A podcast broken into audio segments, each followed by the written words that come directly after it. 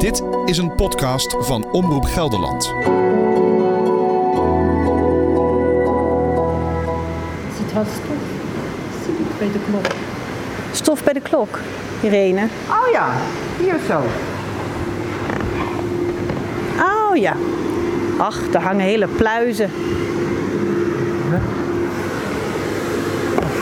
Nou, even met de stofzuiger erbij. Ja, ik ga daar weer in pas. Geen minuut? Nee, maar Sta je op de koffie te wachten? Ik breng nog even een kopje koffie bij de voorzitter en dan eh, lopen we zo weer naar de plenaire zaal. Eventjes voor de... Ja. Belangrijk natuurlijk, goed voor de voorzitter zorgen. hè? ja, ja, dat is heel belangrijk. Irene en Kees zijn de steunpilaren van de Eerste Kamer. Als bode en hoofdschoonmaak zorgen zij dat alles in orde is voor de dinsdag. De enige dag in de week dat de Eerste Kamer bij elkaar komt. Vanuit allerlei uithoeken van het land komen 75 Kamerleden naar het Binnenhof in Den Haag. Ik word daar wel nieuwsgierig van. Wie zijn die mensen? Wat doen ze eigenlijk in de Eerste Kamer? Wat verdienen ze? Hoe gaat het eraan toe in de oudste nog in gebruik zijnde parlementaire vergaderzaal ter wereld? Ik dompel mij dagenlang onder in het prachtige eeuwenoude gebouw van de Eerste Kamer en vind de antwoorden. Mijn naam is Annemieke Schakelaar en dit is de podcastserie De Staat van de Senaat. Aflevering 2. S'nachts lezen.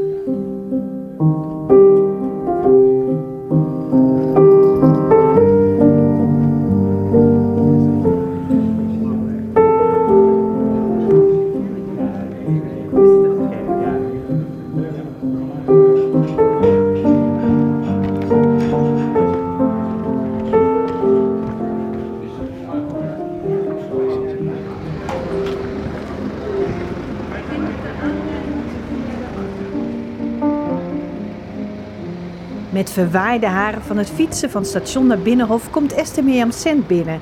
Hoogleraar Economie aan de Radboud Universiteit in Nijmegen en fractievoorzitter van de Partij van de Arbeid in de Eerste Kamer. Ze begint meteen in straftempo door het gebouw te lopen. Waar kom je nu net vandaan, Esther Mirjam? Ik heb net overleg gehad met Lodewijk Asscher. Dat eh, doe ik elke ochtend om 10 uur als ik in Den Haag ben. De fractievoorzitter van de Partij van de Arbeid in de Tweede Kamer. Dat klopt. Dan nemen we de week even door. Wat speelt er bij ons? Wat speelt er bij hen?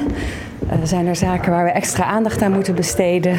Daar hebben we dan eh 10 minuten voor om dat eventjes door te nemen. Ik wou net zeggen, je rent van hot naar her meteen deze dag. Het is altijd een flitsende start als ik hier aankom. En nu onderweg, we- we lopen nu door de lange gangen richting eh, de fractiekamer van de Partij van de Arbeid.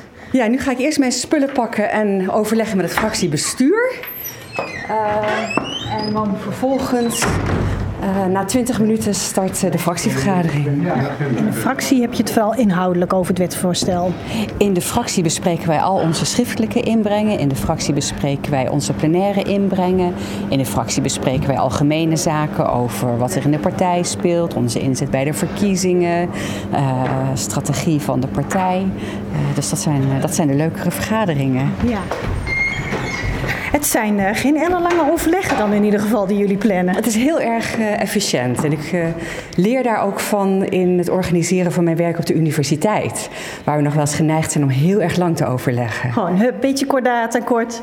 Gewoon lekker efficiënt, to the Ja. point. Ik mag niet mee hè, naar het fractiebestuur. nee, nee. Nou, zie ik je zo weer. Doeg. Het is kwart voor elf hier binnen. Fijn Ja? Ja, Ja. kom ik hier. Oké, Doeg, dag. tot zo. De dag is begonnen in het Eerste Kamergebouw in het Binnenhof. Steeds meer Kamerleden komen binnen en haasten zich naar de Kamer die zij toegewezen hebben gekregen voor hun politieke partij. Terwijl bij de PvdA de fractievergadering begint, komt Marjolein Faber van de PVV het Eerste Kamergebouw binnen en begint met het sorteren van de post.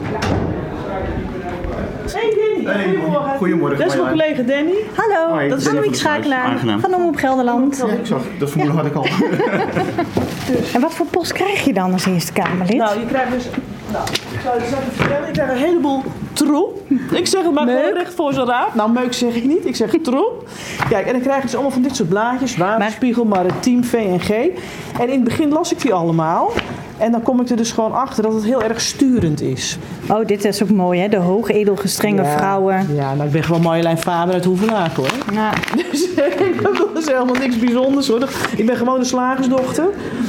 En ja, ik moet dan vanmiddag acte présence geven, zou ik maar zeggen. in opdracht van hun majesteit en de koning en de koningin. Ja.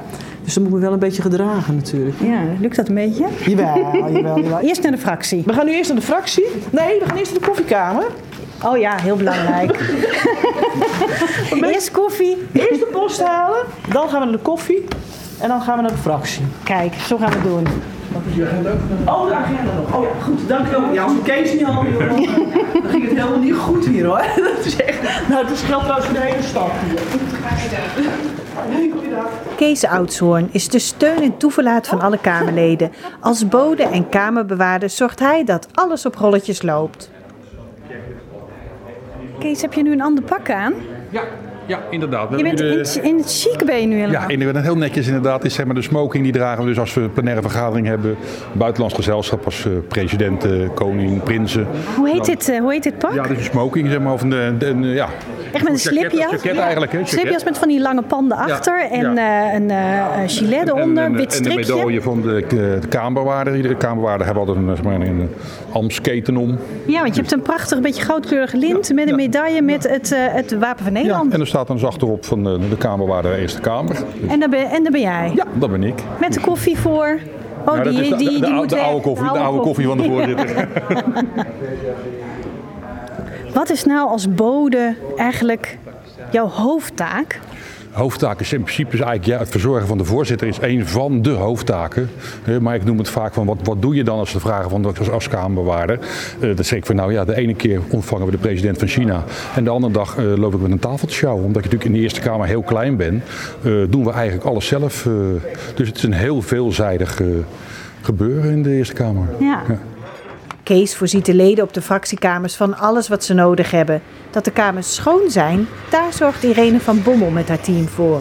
Het meeste werk bezorgt de historische vergaderzaal. De tinnen inkpotjes die hier nog staan, worden door Irene van Bommel afgenomen.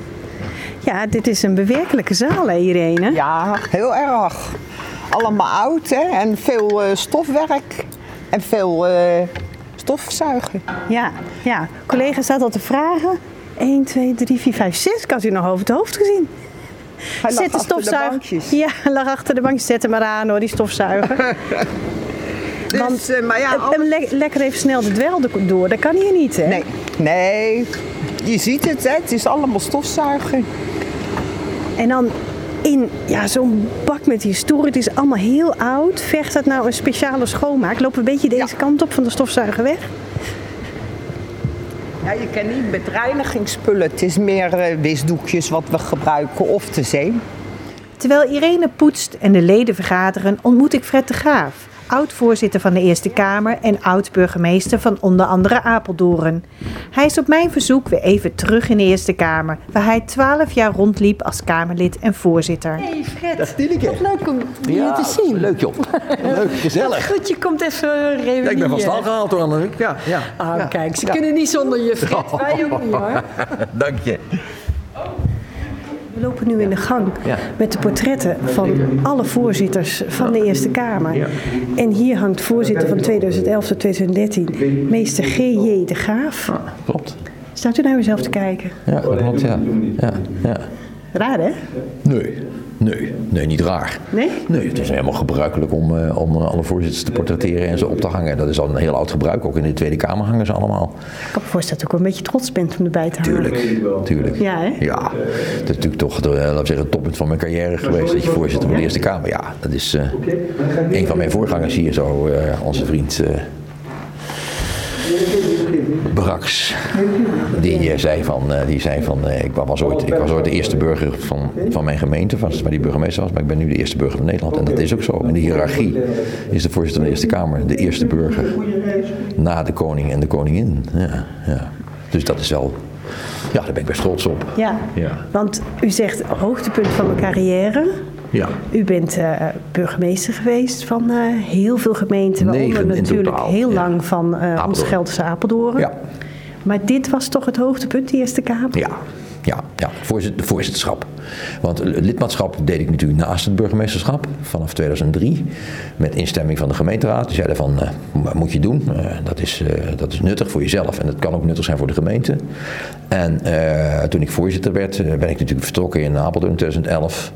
En eh, ja, toen kreeg ik de hoofdprijs, de inhuldiging van de koning. Ja, dat iedere voorzitter van de Eerste Kamer hoopte dat in zijn of haar periode er een troonswisseling plaatsvindt. Want dat is dan, ja, nou ja, die kreeg ik. Ja, Ja, dat dat, is- was een enorm cadeau. Ja, dat is, dat is, dat, ja, nou ja, goed. Dat, hoe vaak gebeurt het, denk ik, in de 40 jaar? Ja. Ja.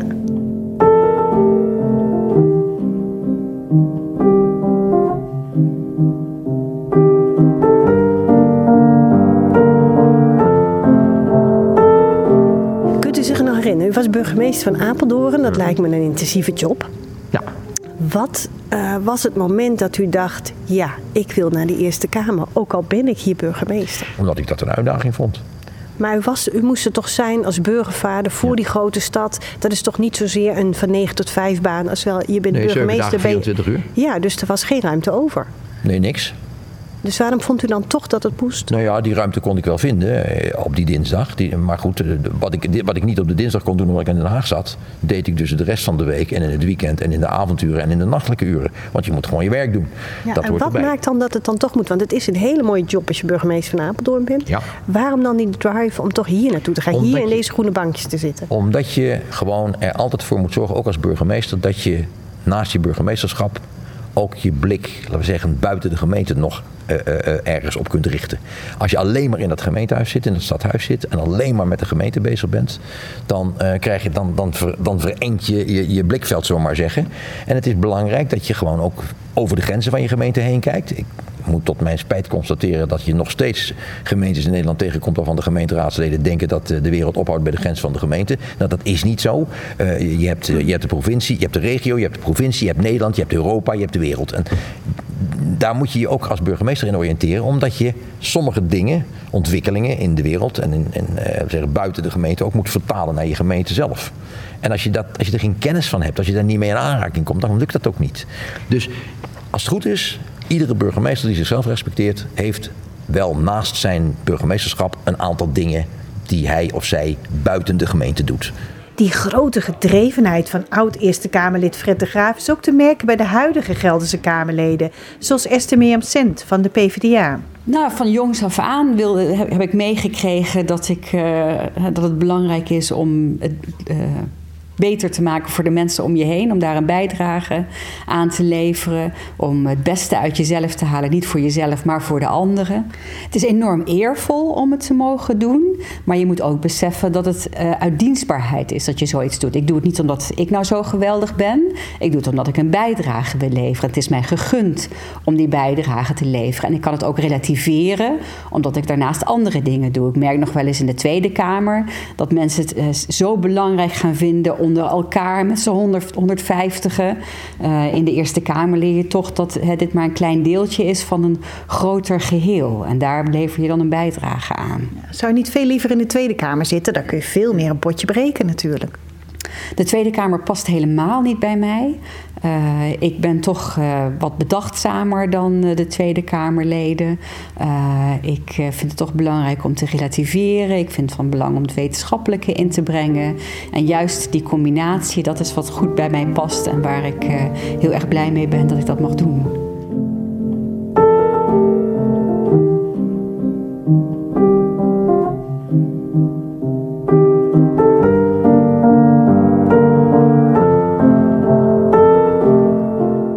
Toen aangemeld voor de Provinciale Staten. Toen, uh, daarna kwamen ze dus een keertje in Arnhem. En toen uh, werd er gezegd van, nou ja, we, we, zoeken nog mensen voor de Provinciale Staten. En als je nou denkt dat je dat kan, dan kan je je ook aanmelden voor de Eerste Kamer. Toen dacht ik, ho hé, de Eerste Kamer. Marjolein Faber uit Hoevelaken is diep onder de indruk van het voorstel van Geert Wilders van de PVV... om niet alleen actief te worden in de provincie, maar ook bij de Senaat. Ja, dat, dat dacht van, jezus, de eerste, je zou dan naar de Eerste Kamer gaan. Dat had ik toen wel echt, ja. Dat dacht ik, ja, maar ik denk, nou, laat ik, eens, ik zit eerst eens in de provincieklas, eerst eens kijken hoe, hoe dat gaat. En hoe kwam dat dat jij zo'n beeld had van, oh, de Eerste Kamer? Op, ja, ook uh, van de historie natuurlijk. En ook, ja, je hebt natuurlijk ook... Ja, kijk, je hoort niet zo heel veel naar buiten van de Eerste Kamer. Je had natuurlijk wel wat, wat, wat, wat hoogtepunten of dieptepunten. Het is maar net hoe je het bekijkt. Van, je hebt bijvoorbeeld de Nacht van Wiegel en zo. En de, ja, dat, dat sprak toch wel tot, tot mijn verbeelding. Alle fractievoorzitters hebben eh, elke dinsdag even gezamenlijk overleg, terwijl de rest gaat lunchen. En zij eh, in een aparte kamer. Onder toezicht van alle graven van Holland gaan zij vergaderen. Kees, je bent nu de broodjes aan het klaarzetten. Ja, inderdaad. Voor het eh, seniorenoverleg. Het is seniorenoverleg en de zaak standaard. Er worden wat broodjes neergezet en wat kroketjes daar geserveerd.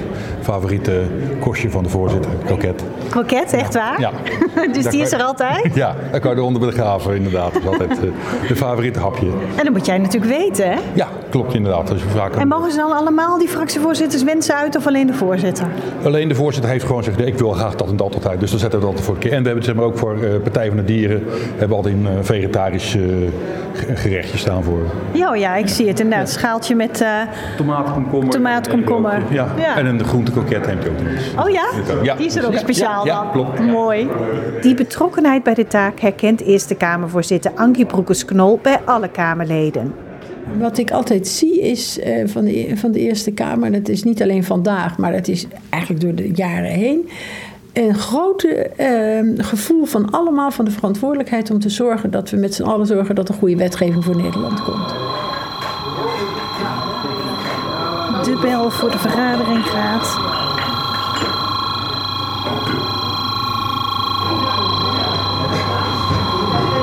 Vanuit allerlei eh, overlegkamers stromen de Kamerleden toe naar de plenaire vergaderzaal.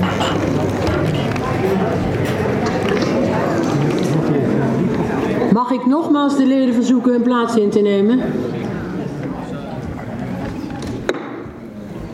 Ik open de vergadering. Ik verzoek de griffier de heer Ruurs binnen te leiden.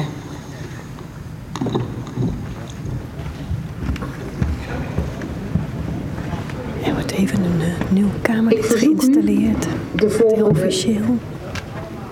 verklaring en belofte af te leggen.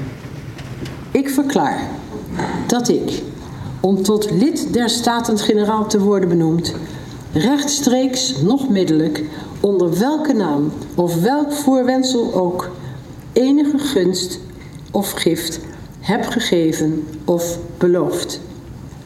Ik verklaar en beloof dat ik, om iets in dit ambt te doen of te laten, rechtstreeks, nog middelijk, enig geschenk of enige belofte heb aangenomen of zal aannemen. Ik beloof trouw aan de koning, aan het statuut voor het koninkrijk en aan de grondwet. Ik beloof dat ik de plichten die mijn ambt mij oplegt, getrouw zal vervullen. Ik wens u van harte geluk met uw benoeming en verzoek u de presentielijst te tekenen. Toen ik uiteindelijk daar dus echt in die zaal zat, en vooral toen het dus ging lopen. hè, Kijk, zo'n zo'n eh, beëdiging of zo'n installatie, ja, dat, ja, goed. Formaliteit. Ja, en ik was toen ook al zo druk met andere zaken die toen allemaal liepen. Dat ik denk, nou ja, dat, dat moet er nog wel eventjes bij, weet je wel. Dat, daar denk je niet altijd veel over na. Maar toen ik hier eenmaal zat, toen dacht ik, eerlijk gezegd, waar ben ik in vredesnaam beland? Oh ja? ja. En wat maakte dat je dat dacht? Oh, ik denk, hier zit ik zeg met al die hoogleraren. Met die oud-ministers en staatssecretarissen. Mijn hemel, hoe ga ik dat hier doen? Was je onder de indruk van ze? Ja, ook van het gebouw, van de historie natuurlijk ben je onder de indruk. Van de mensen die er, die er natuurlijk lopen. En ja, ik ben gewoon hbo'er. Ik heb wel twee hbo-opleidingen, maar ik blijf een hbo'er. Nou en? Ja, dat dacht ik dus ook. Laat, toen, ik dacht, toen ik dat even liet bezinken, toen dacht ik, weet je wat ik gewoon moet gaan doen? Ik moet mijn mouwen opstropen en aan de slag. Voel je ook bevoorrecht dat je daartussen mag zitten, tussen die 75 die uiteindelijk de macht in handen hebben om een wet wel of niet in Nederland eh, eh, in te voeren? Nou ja, eigenlijk natuurlijk wel. Maar nogmaals, dat is wel dankzij onze kiezen. Ja. Tuurlijk is het een voorrecht, want je hebt er maar 75 natuurlijk van in Nederland. En ik weet wel, ja, dat klinkt misschien een beetje dom, maar ehm, dat duurde bij mij ook even voordat het tot mij doordrong.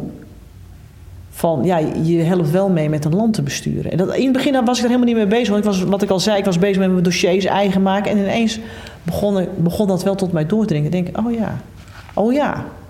Ja, dat klinkt misschien heel simpel, maar dat komt omdat je daar niet mee bezig bent. Je bent bezig met je werk en je debatten voor te bereiden en, eh dat wetvoorstel te doorgronden. Ja, en wat deed het dan met je toen dat op een gegeven moment een beetje Ja, ik landde? denk, ja, ja, oké. Ja, ja, ja. Dat ik denk, nou ja, ik ga maar gewoon verder.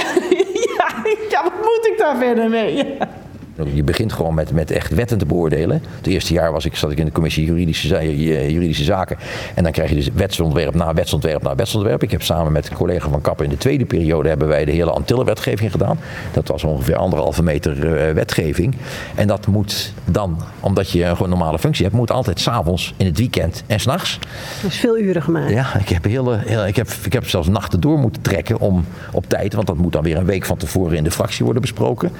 Voordat de, de zaak plenair in de, in, de, in, de, in, de, in de zaal wordt behandeld. Want de fractie moet natuurlijk een oordeel vellen over jouw standpunt over dat wetsvoorstel. En denkt u dan niet zo s'nachts altijd maar die stukken lezend... wat ben ik in hemelsnaam aan het doen? Nou ja, het is zo, het is zo'n uitdaging. Ja. Wat maakt het dan zo'n uitdaging? Ja, gewoon om daarmee bezig te zijn. En gewoon daarmee ja, eh, zeggen, een, een, een- een bijdrage te leveren aan en invloed te hebben op datgene wat er, wat er in, in Nederland speelt op, op het gebied van, van, van wetgeving en dat soort zaken meer. En in de relatie met de Antillen en internationaal. Ik was ook voorzitter van de Commissie Buitenland, Defensie en Ontwikkelingssamenwerking. Dat is buitengewoon interessant. Het is per definitie een nevenfunctie. Ja. Eh, de hoofdfunctie is het hoogleraarschap. Eerste Kamerlidmaatschap is een nevenfunctie. Dus er wordt wel eens gemopperd over Eerste Kamerleden die allemaal bijbanen hebben. Eh, en uiteraard moet je goed kijken naar belangenverstrengeling. Maar het is zo dat de Eerste Kamerlidmaatschap zelf eigenlijk een bijbaan is. Ja, want het is part-time. Hè? Het is één dag in de week vergaderen en daarnaast natuurlijk je stukken lezen en voorbereiden. De meeste van ons hebben een hoofdaanstelling ergens anders, zijn hoogleraar of burgemeester of eh, nou ja, een bestuurlijke functie ergens of consultant, noem maar op. Lopen heel veel verschillende mensen met verschillende achtergronden hier rond. En daarna Loodgieter, kapper, die kom je niet zo tegen. Hè? die eh, wat minder, eh, maar toch is het best divers eh, de achtergronden die mensen hier hebben. En dat is juist ook verrijkend, want dat breng je in qua expertise, dat voedt de beoordeling die je hebt van wetgeving. Dus dat is heel goed dat het zo gecombineerd kan worden. Ja, je zit, wel, je zit wel op het hoogste niveau waar het gaat over de staatsorganen, regering, eh, parlement eh, en, en, en, en, en, de, en, de, en de, de rechtsprekende macht. Ja, die, die hebben het natuurlijk uiteindelijk, uiteindelijk in laatste instantie voor het zeggen in Nederland. Ja.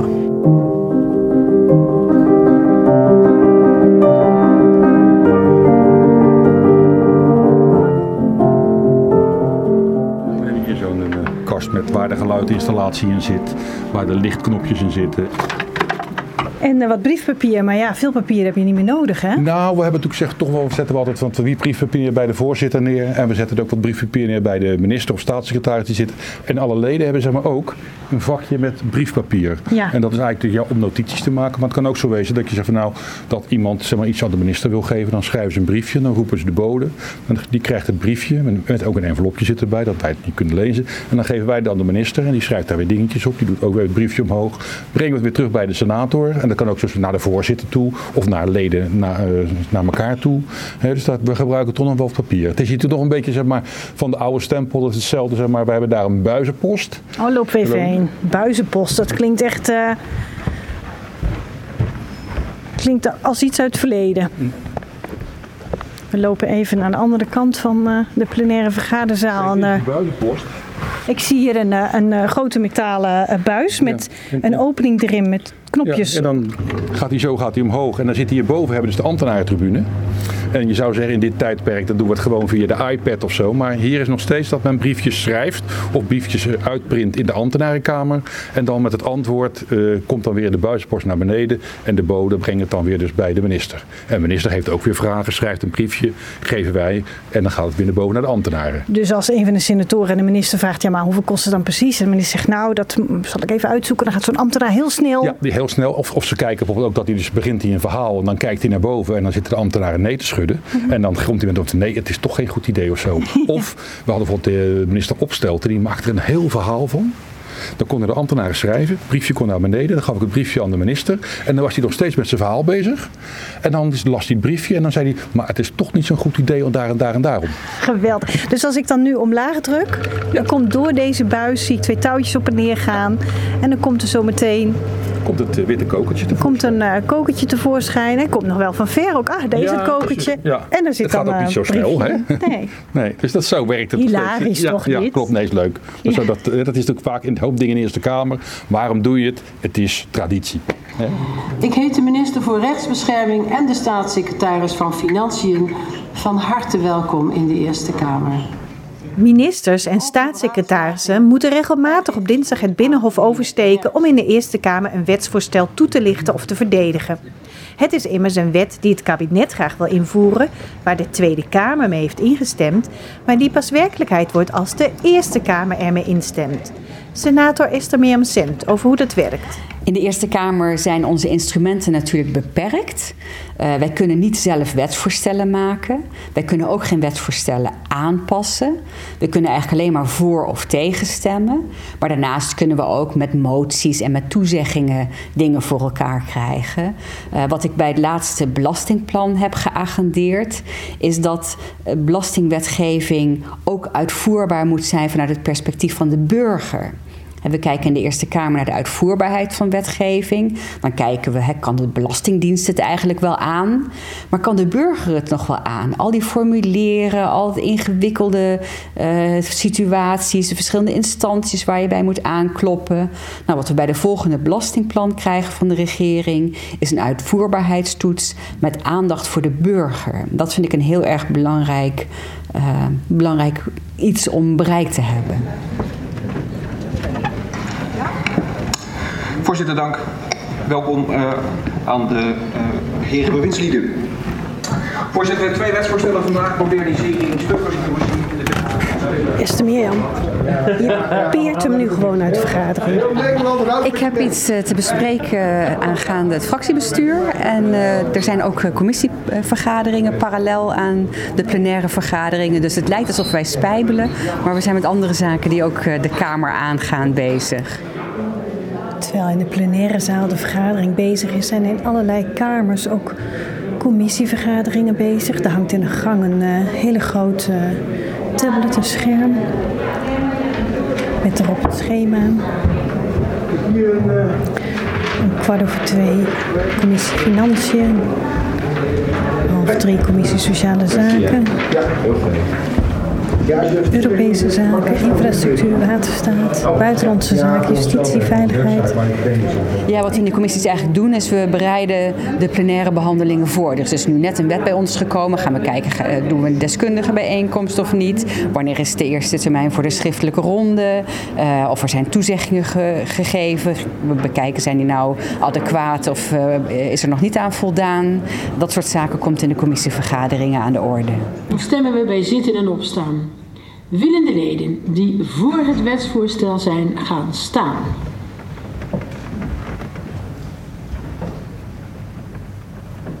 Voor het wetsvoorstel hebben gestemd de fracties van SGP, ChristenUnie, VVD, Partij van de Arbeid, CDA, GroenLinks, Partij voor de Dieren, 50PLUS Partij, Onafhankelijke Senaatsfractie, SP, D66.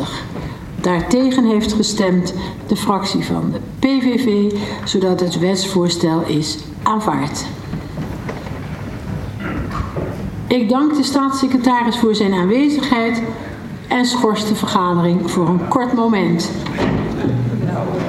Dat geeft mij de kans om staatssecretaris Knops van Binnenlandse Zaken even aan zijn jasje te trekken als hij de vergadering uitloopt. Staatssecretaris. Ja, hoe kijkt u nou tegen dit instituut de Eerste Kamer aan?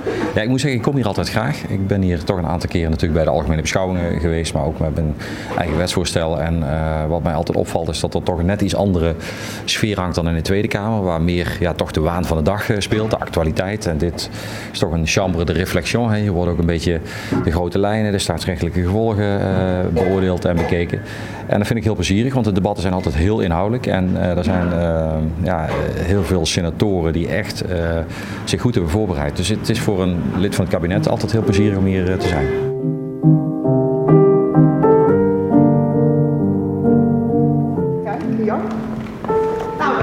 Staan we, staan we onder, onder, Willemina staan we nu. En Irene gaat even op de trap zitten met de rode loper. En dan zitten van die uh, ja, koperen roeders dus op de loper vast te houden. Nou, Irene gaat even langs de roede. Je ziet het meteen. Ja, hè?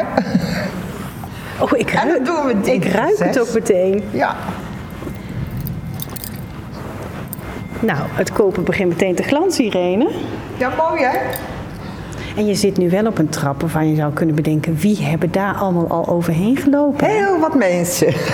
Heel wat mensen. Den Uil, Van Acht. Ja, ja, ja. De Koning, waar de we nu... Koning, ja. Ja, we zien ja, hier... Uh, wat bezoek, hè, dat komt uh, vaak ook allemaal via de hoofdtrap. Ja, ja, waar jij die routes zit te poetsen. Ja, maar niet in het reces. Nee. Want dan moeten ze glimmen. Precies. Nou, laten we eens nog even een klein stukje doen, Irene. De Kamerleden die over de door Irene met koperpoets gepoetste trap lopen, zijn veelal hoogopgeleide, oudere, blanke mannen. Burgemeesters, oud-ministers, hoogleraren, juristen. Dus het is niet representatief. Is dat erg? Nou, de vraag is in hoeverre uh, beïnvloedt dat de beoordeling van wetgeving. Als je nog steeds als blanke, witte, oudere man je goed kunt inleven in het leven van een donkere vrouw die jonger is en in Zuid-Limburg woont, dan hoeft dat niet een probleem te zijn. Nou, beantwoord uh, deze stelling zelf is, want je zit sinds 2011 in de Eerste Kamer. Je zit natuurlijk toch in een kring van de hoge opgeleide elite. Ik ga veel naar partijbijeenkomsten. Daar uh, ontmoet ik heel erg veel partijleden die mij toespreken. Ik plaats soms filmpjes op social media met een oproep: kom eens met je verhalen. En uh, daar krijg ik veel reacties op. Die uh, breng ik vervolgens weer in in het debat. Want wat... En zijn het dan ook reacties van mensen die heel ver weg staan van die politieke bubbel hier? Ja, want in de politieke bubbel verengen we vaak dingen tot cijfers, uh, tot standaard mensen en standaard gezinnen. Maar in die verhalen zie je juist dat er ook heel erg vaak een stapeling is van problemen. En daar hebben we eigenlijk in Den Haag tot nu toe te weinig aandacht voor gehad. Dus als ik dat dan vraag op social media, wat zijn jullie verhalen? Dan word ik echt geraakt door een student die ziek wordt, uh, daarna een enorme studieschuld krijgt, uh, geen hypotheek meer kan krijgen. En hoe je al zo vroeg zo kwetsbaar kunt raken en zo uh, op achterstand, kunt geraken. Nou, daar, word ik door geraakt en daar, dan vind ik het extra belangrijk om dat te agenderen in de politiek. Maar ja, als ik als burgemeester uh, mij uh, zeggen, al die jaren dat ik burgemeester ben geweest, in negen gemeentes elitair had opgesteld.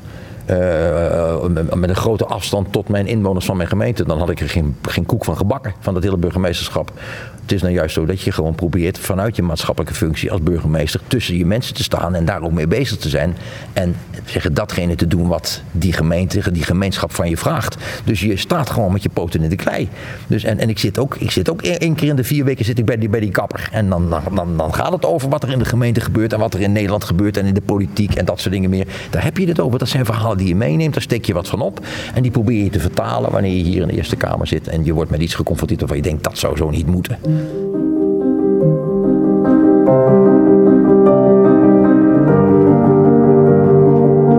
Kamerleden zijn in de loop der jaren ook benaderbaarder geworden, zegt Ronald Plugge, die al 30 jaar in allerlei functies in de Eerste Kamer werkt. Kamerleden waren vroeger eigenlijk een soort heilige koeien. Daar mocht je eigenlijk niet mee praten. En als ze zouden gaan zitten in de gang, moesten ze er echt omheen lopen. Net zoals in India noemt dat maar. Maar dat is eigenlijk heel sterk veranderd. Je kunt nu gewoon een normaal gesprek met de Kamerleden uh, uh, voeren. En daar, dat is wel heel veranderd. Ja, we kon heel goed uh, opschieten met z'n allemaal. Ja, en ja. Uh, wie hebben er nou uh, speciale wensen? ze vragen wel eens of ik dingen voor ze wil gaan halen of uit wil printen. Of ik een wifi-code voor ze wil gaan halen. Maar ja, voor de rest krijgen hier geen drinken in de bankjes. Want ja, als er wat omgegooid wordt, zitten we met de vlekken. Ja, mogen ze niet meer ja. naar binnen nemen. Nee. En ze vragen af en toe wel eens een glaasje water. Of je brengt zelf een glaasje water als ze aan het hoesten zijn. Probeer je wel stiekem met de koffie naar binnen te komen? Ja, maar daar krijgen ze geen kans voor, want ik zit daar zo. En als ze me zien zitten, dan uh, draaien ze weer om. Want dan denken ze, oh, daar heb je die heks weer. Irene kan als hoofd schoonmaak en bode goed opschieten met de Kamerleden. Net als haar collega Kees. Over het algemeen eh, zijn het inderdaad prima mensen, allemaal heel vriendelijk. En van welke partij, dus ik maak eigenlijk niet uit. Je hebt met iedereen een praatje. En het is, vroeger was het, was het wat, stijver allemaal, als je vroeger verhalen hoorde. Maar tegenwoordig is het inderdaad toch allemaal ook. Je ziet de, kleding ook van de senatoren. Vroeger was het jasje, dasje. Je ziet de strop daar steeds meer verdwijnen. Je ziet het ook zeg, steeds meer van de mensen, noem mij maar, bij mijn voornaam, tutoyeer maar. Ja, Dat- maar dat- zeg, want eh, eh, moet je eigenlijk u tegen ze zeggen? ik zeg in principe altijd u tegen ze, tot hun aangeven van goh, ik heb liever dat je me bij mijn voornaam noemt. En dan, dat heb ik met de voorzitter bijvoorbeeld ook, die heeft ook aangegeven, ik wil liever dat je me Ankie noemt. Dus dan. hè, Dan en- is het Ankie, Ja, met de kroketten. En, en het valt een beetje op dat het eigenlijk meer de dames zijn die zeggen van doe mij maar bij de voornaam als de heren. Ja, die vrouwen die hoeven het niet te hebben van die statuur, joh. Ronald, Kees en Irene zijn drie van de ruim 30 medewerkers die de Eerste Kamer kent. Volgens iedereen die ik spreek is dat een zeer bescheiden staf en is de Eerste Kamer een goedkoop instituut. Het is het goedkoopste orgaan van de hele van de democratie. Toch krijgen de Kamerleden een behoorlijke maandelijkse vergoeding. Eh, wat was dat? Moet ik even goed nadenken. F- eh, 2300 euro. Daar moeten sommige mensen een hele week voor werken. Ja, Wat klopt. vindt u daarvan? Eh, ja, zo zit onze maatschappij in elkaar. Ja, Is het een oké vergoeding? dat denk ik wel. Ja. Ik zou het niet weten. Ik wel. Oké, nou kijk. 2, 2105 euro en 88 cent. Kijk. En volgens mij als fractievoorzitter krijg je nog iets meer.